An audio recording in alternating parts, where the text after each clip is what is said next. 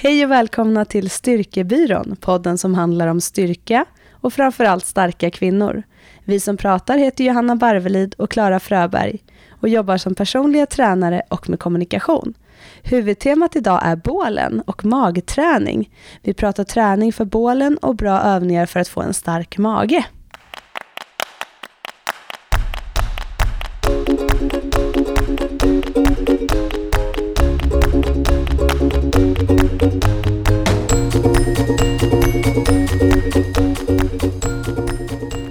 Så Klara, bålträning och magträning, vad är bålen för något? Ja, men eh, bålen är ju, eh, magen är ju en del av bålen. Idag eh, är det många som pratar om bålträning eh, på ett annat sätt än vad man gjorde för några år sedan.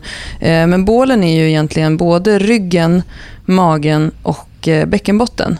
Eh, det är det som man på engelska gärna pratar om som the core. Eh, men själv får jag lite allergisk reaktion när folk pratar om coren. Det är som att säga squatta. Så att bålen är, om man tänker sig att, att det är kroppens kärna som gör så att vi kan stå upp och gå. Den fyller en väldigt stor funktion i att hålla upp överkroppen.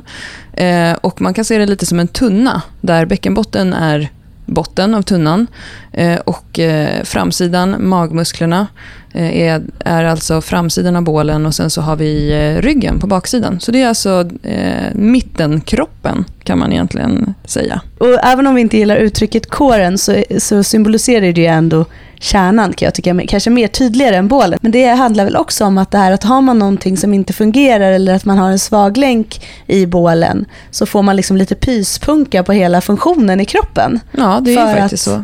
För att det är ändå den som gör att vi jobbar ihop med över underkropp på något sätt. Så är det ju verkligen. Och eh, att få lite pyspunka i bålen är ju någonting som, eh, som många kanske relaterar till en graviditet. Där det är vanligt eh, att magmusklerna inte växer ihop ordentligt efteråt. Och då blir det ju precis som du säger att det läcker lite där fram. Men det kan ju också vara så att man har en övervikt som gör att man inte klarar av att hålla uppe bäckenbotten. Eller att man har gjort en operation, en bukoperation till exempel, som gör att det liksom läcker. Och det som du säger läcker, det är ju så att det läcker energi också. Klarar man inte att hålla ihop den här tunnan, eh, det blir precis som att om du tänker att du fyller en tunna med vatten och sen så är det lite hål här och var. Eh, då får man ju precis som du säger en pyspunka och ett läckage av energi. Och jag tror inte att det behöver ju inte heller vara så att man har varit gravid eller överviktig eller gjort en operation utan många människor har ju faktiskt inte riktigt koll på vad det innebär, det här med aktivering och alla de här olika begreppen som vi ska gå in på, utan man tror att man spänner magen rätt när man gör en viss övning och så vidare. Så att eh, jag tror mycket handlar också om att man inte har kunskapen och förstår de olika delarna, utan man tror att jag spänner magen så det är väl bra. Ja, och sen så tycker jag också att man kan backa tillbaka bandet nästan ända till diafragman. Diafragman är ju en muskel som ligger som eh, ungefär ett lock under eh, lungorna. Och det är diafragman som vi använder när vi andas. När vi drar ner luften så åker diafragman neråt, vilket gör att magen putas utåt. Och när vi andas ut så släpper vi upp diafragman igen. Och idag när många människor, i alla fall här i västvärlden där vi bor, är väldigt stressade så blir vi ofta väldigt spända i diafragman. Eh, när, jag, eh, när jag gick gymnasiet så var jag väldigt skoltrött. Eh, och valde, eh, sökte till teaterlinjen, teaterprogrammet, för det var också väldigt låg, eh, låga betyg för att komma in där. Och jag spenderade tre år med teaterträning och det handlar väldigt mycket om diafragman och om andning och att kunna då prata till väldigt många personer med magen. För det som händer när vi blir spända och stressade är att vi börjar andas högt upp i bröstet. Och Det här för också med sig mycket stelhet, eh, mycket spänningar och framförallt att vi tappar kontakten med bålen. Och Det är egentligen någonting som, som man behöver ha i vardagen ju. Verkligen. Alltså, börjar vi andas där uppe så eh, finns det många negativa aspekter på hela vårt liv. Men framförallt också att, eh, att vi kan få ont i ryggen. Ja, för när man pratar om hållning är ju en del, det finns ju extremt många delar när man pratar hållning och hållningsträning och hur man förbättrar sin hållning. Men, men bålen är ju en jättestor del och just det här vardagliga aktiveringen. Så att det är ofta en sån sak som man kan se hos till exempel postgravida, att man är väldigt framåtroterad i liksom axlar och så. Det har ju också väldigt mycket med att göra att man inte har en stark bål. En stark bål, precis. Och heller då inte heller en, en, en någon kontakt med eh, andningen eh, som vi också behöver. Det kommer vi också gå in på i dagens program, hur vi kan jobba med andningen på olika sätt när vi magtränar. Men jag tänkte lite, Johanna, nu har ju vi faktiskt eh, spelat in, vi har haft gäster i två avsnitt. Avsnittet eh, för två veckor sedan eh, var det Lovisa Sandström som var gäst och pratade mål och motivation. Och förra veckan så hade vi Caroline Mellberg som är läkare och doktor som pratade om kost. Och vi har liksom inte fått uh, gosa för oss själva här. nu är vi själva igen. Ja, men vi fick några kommentarer på Instagram om båda de här avsnitten. Att, att vi var så himla rakt på sak i de där avsnitten och att det uppskattades. Så det, um, det ville ju vi vara också just för att vi är ju väldigt bra kompisar med båda de här personerna. Så vi vill liksom gå förbi eh, snickesnacket och eh, lyfta fram den kompetensen som faktiskt båda de här personerna har. Men eh, du och jag, jag har ju saknat dig väldigt mycket på sistone och eh, igår hade du och jag en sån här eh, lång eh, långsittning, lång arbetssession när vi sitter med våra datorer, avhandlar våra gemensamma projekt och våra kunder. Vi skickade iväg en offert Eh, och det var så himla skönt. Vi, eh, vi har ju liksom vårt lilla, lilla umgåssätt. Och, men vi har inte hängt så mycket på sistone. Hur har du haft det på sistone igen? Ja, nu känns det så här, Johanna pratar ut i, i podden typ. Nej då, nej men det stämmer. Jag har ju saknat dig också Klara. Jag har ju så legat i mitt mörker in på mitt rum och typ sovit. Och skickat sms typ så här, jag längtar tillbaka typ. Men när jag har haft någon typ av, jag vet inte vad det har varit, men någon typ av influensa. Och det har väl hörts ganska tydligt tydligt i de två avsnitten. Så det har varit ganska bra att vi har haft gäster tror jag, för att jag kunde ju knappt prata. Jag kommer ihåg att jag sa någonting i avsnittet med Lovisa och du bara, det där får vi ta om och så, så bara förgördes det inget. Så det, jag vet inte, min röst har väl skurit sig en del, nu är den mycket bättre. Men eh, så jag har haft en extrem hosta och feber och ja, halsont ja, till och från. Stackars dig. Och sen så, det blir ju så, när man är gravid så blir man extra sjuk. Och så är man också extra påverkad av att man är sjuk. Ja, jag tror man, man pallar inte lika mycket. Att hosta och ha en mage som inte fungerar, det är helt sjukt. Det är liksom, varje gång jag hostar så är det som jag gör en okontrollerad sit-up. Eh, så jag var inte helt slut i kroppen. Men, och sen känns det också som att ens immunförsvar är bara mitt, det, det är kast liksom. Men jag mår jättemycket bättre och det var grymt skönt att ha den där dagen igår och vi bara satt och pratade om allt ifrån eh, badrumsinredning till liksom, gemensamma projekt och ha lite roliga planer inför kommande tid. Så det känns superkul. Så jag är på banan igen och nu är liksom bara nästa steg är så här, jag längtar till att kunna börja träna för där är jag inte riktigt än. Jag är fortfarande liksom att, att jag inte känner att jag är hundraprocentig. Men äh, ja. Du jag, har en bra grund. Jag ser att din ansiktsfärg har kommit tillbaka också. Ja, det, det har du sagt. Man ser att inte du är frisk för det är typ vit i ansiktet. Men så det känns bra. Och nu känner jag mig liksom redo för, för nya utmaningar igen. Jag har kört någon typ sparlåga här i några veckor. Ja, stackare. Jag tycker så himla synd om dig. Eh, och det har verkligen varit eh, sporadisk kontakt när du har varit hemma. Och jag har också sagt flera gånger till till exempel Lovisa eller sådana som hänger med att nu svarar inte Johanna, nu har hon nog somnat. Ja, ja men jag har försökt att sova. Jag har försökt. Verkligen. Jag har kört alla sådana här eh, med barnen. Så här, vi har en vind som de har som typ lekrum. Och då har jag så satt mig i en fåtölj där och typ så här, mamma sitter och tittar på er nu och så typ sovit när de har hoppat studsmatta. Men det är jättebra, de går med på det om jag bara är i rummet liksom. Då är det okej, okay, så då kan man ligga och sova lite. Ja, men nu är jag tillbaka.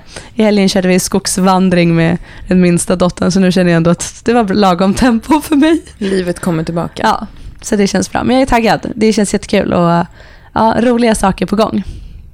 Ja, vi kommer bland annat ha en workshop i eh, Lofsangruppens studio i chins och pull-ups. Eller vi kommer ha två workshops lördagen den 20 februari. Så för er som är intresserade av det så kan ni gå in på vårt Instagram, eh, Styrkebyrån. Och där hittar ni all information. Och man behöver inte eh, kunna göra chins och pull-ups för att komma på dem. Men man, man, kan också komma om man kan och eh, vill lära sig att göra fler.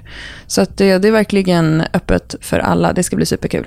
Mm, det ser vi fram emot. Men du då, hur går det för dig? Du börjar väl bli klar med din, din tyska volymträning ja. Jag har inte pratat så mycket om den i podden. Um, dels för att jag inte vill att folk ska bara hoppa på och börja köra GVT. Uh, och dels för att uh, jag ville testa lite och se själv. För mig är ju sex veckors program som jag har kört nu. Nu är jag inne på sjätte veckan, German Volume Training. Um, det är ju ganska kort program.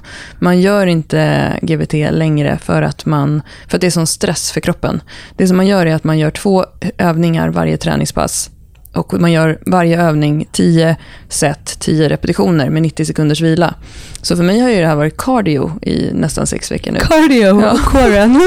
jag har ju som svettats. Första veckan när jag gjorde mina knäböj, det blir alltså 100 knäböj på typ 20 minuter. Det, då var det, alltså jag var ju helt chockad och jag var helt förstörd. Men jag kan säga att jag har haft konstant träningsverk nu i nästan sex veckor. Idag kände jag, eh, jag gjorde knäböj igår och eh, igår kväll tänkte jag att nej, men den här gången blir det nog inga. Och men likväl på väg hit idag så är jag jättestel. Det här är ett program som jag har kört dels för att eh, göra någonting helt annat. Jag hade kört ett styrkeutvecklingsprogram i fem månader innan. Eh, och dels, men dels också för att bygga på mig, alltså som jag eh, har pratat om i tidigare avsnitt. Eh, gå upp eh, lite i vikt, öka min muskelmassa. Eh, och det har varit eh, jättebra faktiskt. Jag har faktiskt ökat alla vikter trots att jag har legat på på tior. Så det ska bli jättespännande och nästa vecka så tänker jag börja med programmet Mad Cow eh, som är eh, stegrande 5x5 kan man säga.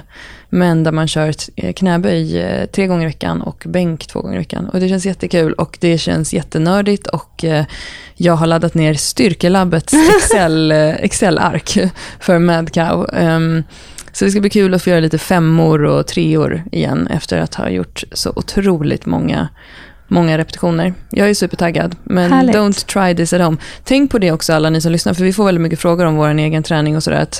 Um, det, det, det, går inte att ge ehm, individuella råd när det gäller hur andra ska träna och hur jag ska träna är helt baserat eh, på mig och hur du ska träna Johanna är helt baserat på dig. Ehm, men läs på om program och sådär och testa olika. Det är väldigt utvecklande att testa olika typer av upplägg. Och när det gäller träningsprogram så är det ju så att jag kommer aldrig lansera Klara-programmet, tror jag inte. Eh, med, kanske med någon, eller, ja, med någon twist. Därför att det är ju så att de träningsprogram som finns för olika syften, som är väldigt populära, de är ju det för att de funkar. Och det är inte så komplicerat med träning. Det är bara liksom antal reps, så tungt så kommer du bli starkare. Punkt. du, det är så enkelt, men du har ju faktiskt rätt i det. De är ju framtagna och de finns ju där och används av väldigt många människor. Eh, och många människor med extremt mycket erfarenhet inom den här branschen.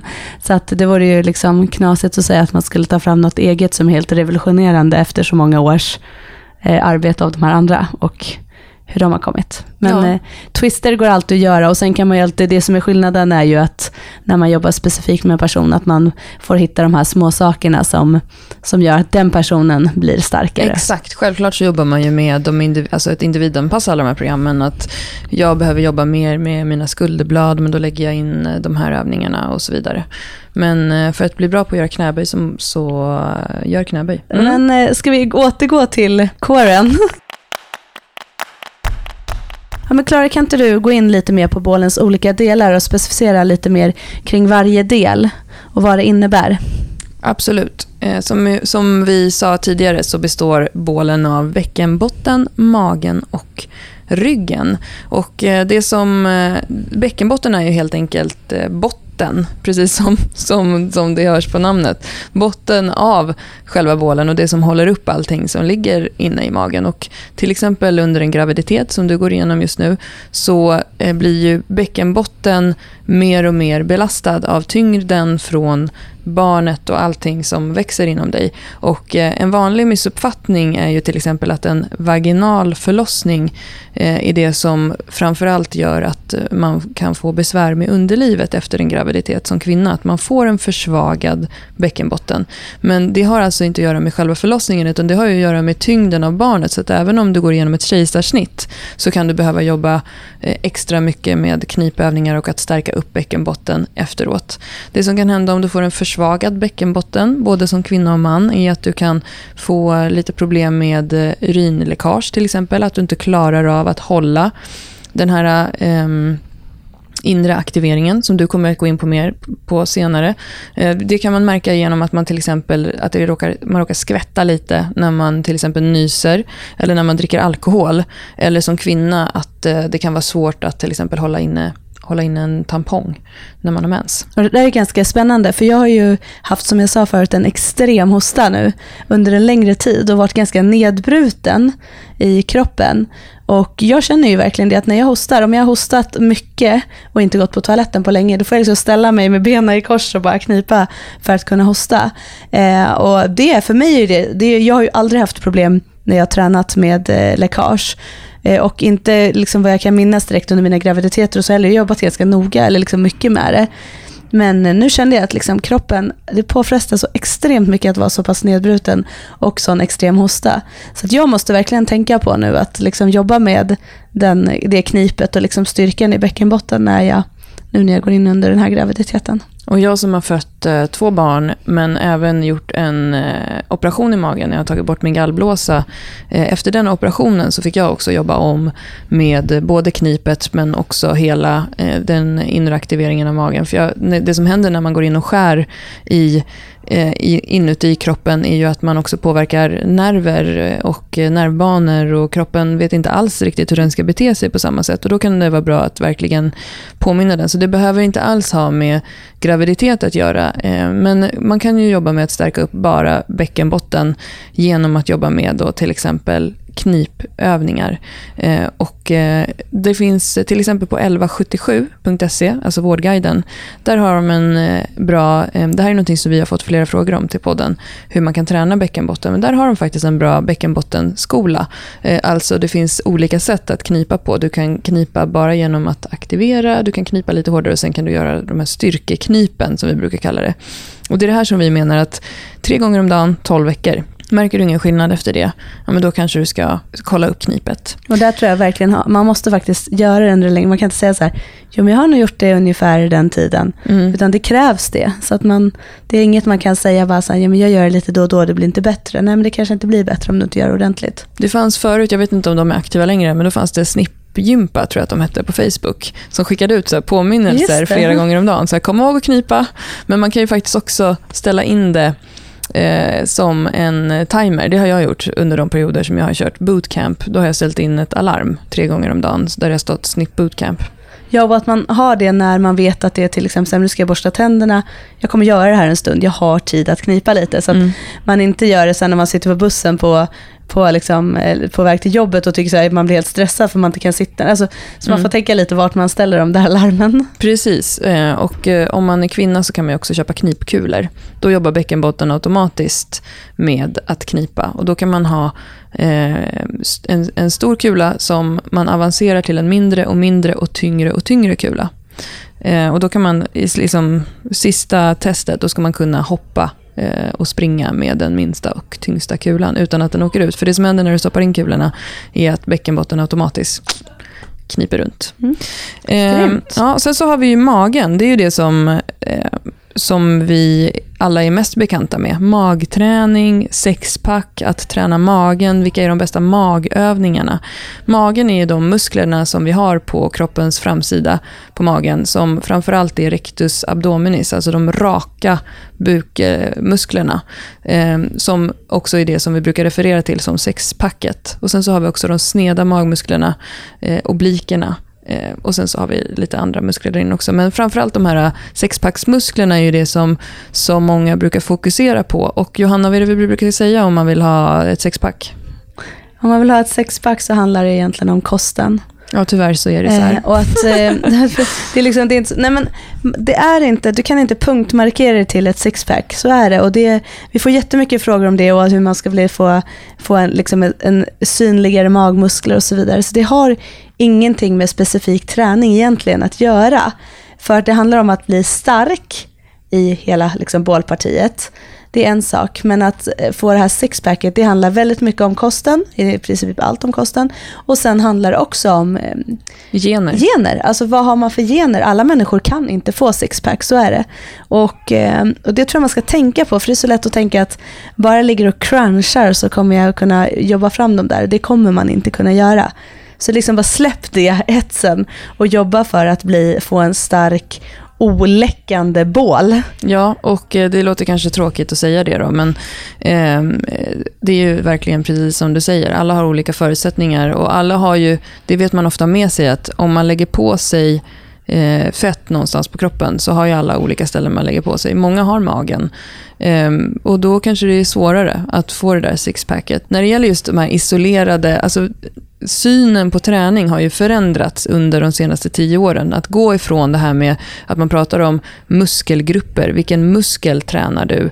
Eh, att man måste ha kontakt med musklerna för att det ska vara bra träning. Ehm, och eh, idag tränar vi ju mycket mer funktionellt. Vi tränar stora rörelser, vi tränar många muskelgrupper samtidigt. Och att, ha, att hela bålen blir stark, även ryggen, eh, kommer också hjälpa till att, att bli eh, stark i magen.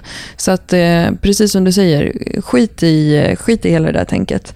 Strunta i att ligga och cruncha. Ja, crunchen är ju liksom inte en övning som eh, har visat sig effektiv för någon egentligen. Därför att du jobbar bara med eh, flexion. Du sträcker aldrig ut hela kroppen. Och eh, idag vet man också med sig att eh, för att bli stark i magen, för att bli stark i bålen, så behöver du också jobba eh, utsträckt. Och det är egentligen inte eh, ma ja, det här kommer vi också, det är lite, nu är det extra nördigt, men eh, att jobba bara med att flektera magmusklerna kommer inte göra dem starkare heller. Men det du vill, du vill jobba med en rörlighet i är bröstryggen och höften. Då kommer du få en stark eh, mage, en stark bål. Men eh, ja, Ja, och det där får vi nog gå in lite djupare på känner jag. För det har varit, nu sitter nog många och bara, vad menar hon nu? Eh, så, så när vi pratar magen så kan vi säga, tänk inte så mycket magen, vad tränar jag specifikt på magen och jag vill ha sixpack, utan kosten kommer vara avgörande, hur mycket extra kilo du har på kroppen kommer vara avgörande. Vissa människor kan ha några extra kilo på kroppen och man ser ändå magmusklerna för att man har den typen av gener. Så det är liksom tycka att det är orättvist om det är så, men så är det. Eh, men när man tittar då på bålträning, för det blir ju ändå det någonstans som då blir relevant i det här, i, i, som blir grunden i det här som vi pratar om idag. Så är det också ryggen. Vi vill väl prata om egentligen träningen i sig för alla de här delarna. Hur man jobbar med det för att bli stark i hela det området. Verkligen, och det man också kan se om man pratar om det här med hur synen på magträning har förändrats de senaste åren är just att idag, eh, bålen, för att bli stark i bålen så behöver du jobba med stabilitet. Inte med flexion, inte med, alltså flexion är när vi böjer någonting. Eh, extension är när vi sträcker ut någonting. Och för att ha en stark, starkt bålparti så ska du ha ett stabilt bålparti. Och tittar man på då till exempel ländryggen som är en del av bålen bålen så är det så att ländryggen kan endast rotera eller böja sig 13 grader. Ehm, det är inte en del av ryggen där vi vill jobba med så himla mycket flexion och böjlighet, utan vi vill packa in ländryggen med muskler som gör att vi kan jobba med den stabilt. Då blir vi också starkare. Så det är också en anledning att vi inte ska göra eh, massa crunches. För i en crunch så ligger du och krummar ryggen väldigt, väldigt mycket. Mm. Alltså du hamnar ju i att ländryggen jobbar, det är liksom, du jobbar med ett väldigt litet parti. Och det där tänker jag att vi ska förtydliggöra också. Man, när, man, när vi pratar lite om övningar sen så kommer ni förstå vad vi menar med det här med bröstryggen och höften. För att det blir väldigt tydligt i dem om man tittar på alla de övningarna hur, hur kroppens position ser ut. Så att för att jobba med bålstyrka så vill vi jobba med rörelse i bröstrygg och höftparti. Ja, verkligen. Eh, och det är väl så man kan sammanfatta eh, bålen egentligen. Vi har gått ifrån att eh, jobba med flexion och abs och magmuskler till att idag tänka stabilitet i mittenpartiet på kroppen. Och, eh, vi har ju faktiskt inget skelett på magen, men vi går uppresta. Ehm, jag hörde en som sa att det är liksom, om man tänker sig att vi har gått på alla fyra, ett ganska tydligt tecken på det är ju att vi inte har ett skelett på magen. Vi har gått framåtböjda, men när vi reser oss upp så blir vi väldigt oskyddade i det här partiet. Och det är en väldigt viktig anledning till att den eh, bålen måste vara stark. Grymt. Vad tycker du? Ska vi gå in lite mer på övningar och fokusera lite mer på det? Absolut. Vad säger du Johanna? Vilka, vilka övningar förespråkar du när det gäller att träna att få en stark bål?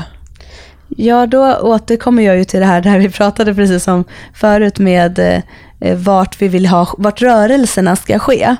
Och eh, då kan man ju göra olika typer av situps, absolut, men när vi pratar sit-ups i den bemärkelsen så pratar vi om att inte jobba med en crunch, utan att du vill i sånt fall jobba från egentligen en helt utsträckt kropp och ihop mot benen. Är du med på eller är det lite otydligt? Nej, jag, jag är ju med på vad, Ja, du, vad du menar. Så att det vill säga att en, en sit-ups, för det, är- det är väl det här som blir lite när man pratar om träning, att det blir så missuppfattat så här ska man inte göra, vad är sit-ups och vad är crunches? Men Man brukar väl säga att skillnaden mellan en sit-up och en crunch är att du ligger helt utsträckt som du Ja. säger i en sit-up och sen så fäller du över kroppen till att Mm. eh, du eh, nuddar fötterna i tårna. Ja, och det Men- kan man ju se då på, om man tittar på kroppens position, att den inte är speciellt crunchad. Nej. Eller alltså den är, Den är inte speciellt crunchad i vardagen. Men det här med basövningar då, pressar, marklyft, knäböj, vad säger du om det? Är det bålträning? ja, jag skulle säga att det är väldigt mycket bålträning och för många räcker det väldigt, väldigt långt med den typen av bålträning. Det har vi pratat om förut i tidigare avsnitt. Att, eh, att man behöver inte känna att man alltid måste ha bålövningar. Även, men, men det är många som tycker att det är så skönt i slutet och visst kan man väl ha det. Det är alltid bra att jobba, eh, jobba med olika övningar som stärker upp. Men jag tror att fokusera på att göra eh, marklyft, pressar, knäböj, chins eller bara hänga, alltså aktivt hängande med en aktivering i, i, i bålen eh, så kommer man väldigt långt på det. Sen så kan man fylla på, vi har pratat tidigare om farmers walk, en jättebra bålövning eh, där, du, där det handlar om att hitta rätt anspänning i kroppen. Eh, vi har ju toast to bar eller hängande knälyft. Alltså där man, där man jobbar med häng, hänger i en stång och sen så ska man pressa upp tårna mot, eh, eh, mot själva stången som man hänger i eller i ringarna om man hänger i ringar. Det är samma sak där. Du gör en aktivering, du jobbar med bröstrygg, skulderbladspartiet baksidan och sen så gör du en, liksom, en eh, böjning eller vad man säger, fällning i höften. Alltså du gör ju, eh, pressar upp benen med hjälp av höften. Så att det är exakt samma sak där. Tittar man på ryggen så är det ju inte så att du flekterar eller böjer den mer än de grader som man vill. Eh, sen så kan man jobba med vindrutan, torkaren, det är också en variant av toast to bar där fast du jobbar i sidleds och är extremt tuff också. Samma sak där, det är höften och eh, bröstryggen som jobbar eh, i den stora rörelsen. Och sen så um, eh, hollow position, det vill säga samma position som man kan ha hängande kan man också ligga på golvet och ha. Det vill säga att du ligger i en anspänd position hela tiden där du har en liten eh, rörelse i höften och sen i bröstryggen. Och det här är väl det som många refererar till som plankan, eller? Eh, nej, jag tänker hollow Ja, position. du ligger på rygg. På rygg, Ja, precis. precis. Eh, och sen så, um, eh, men, men som sagt precis, mm, det finns ju, om man tittar på, åt andra hållet, så kan du ju hålla en typ av hollow position och jobba i olika typer av eh, plankövningar eller armhävningar. Eh, ska man jobba med planka så ska man kanske tänka på att man kanske inte alltid bara ska ligga i en statisk planka, utan att man kanske faktiskt ska jobba med rörelser som knäindrag eller att eh, man utifrån en planka eller att man jobbar med händerna på en skivstång och rullar ut. Alltså att, att det sker en rörelse i övningen också.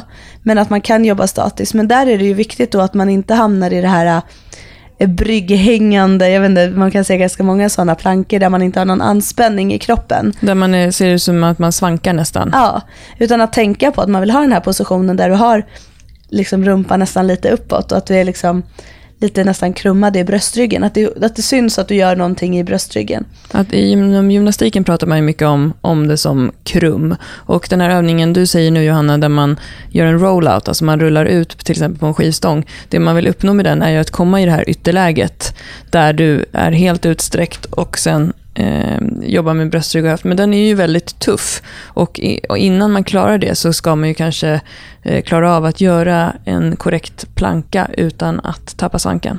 Ja, och sen kan man ju jobba i den lite skalad. Du kan ha armbågarna på en pilatesboll och stå på knä. Och så kan du rulla ut. Eh, Det är också en jättebra övning för att, att liksom börja jobba med den i lite mer småskalig. Eh, men sen är det ju egentligen att, att jobba med alla typer av rörelser där du jobbar med eh, höften och bröstryggen. Eh, så jobbar du som sagt med att stärka bålen. Men eh, det är som sagt, det finns en helt, ett helt gäng övningar som man kan göra, eh, som vi har gått igenom nu, som är mer specifika, men som samtidigt tränar många andra delar av kroppen också. Och det, det pratar vi väldigt mycket om, det här att faktiskt se det stora i det. Att inte titta så himla mycket på specifika muskelgruppen utan att titta på det stora i övningen och jobba stort för att ju större du jobbar desto större kommer ju resultaten på något sätt bli.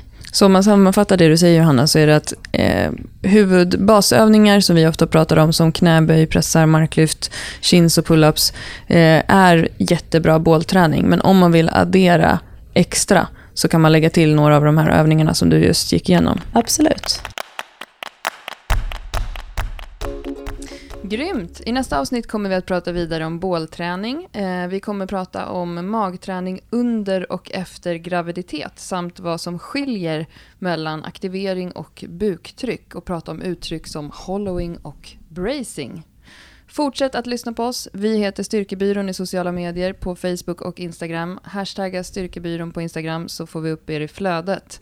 Tryck på prenumerera i era podcastappar så ses vi och hörs i nästa avsnitt. Hej då!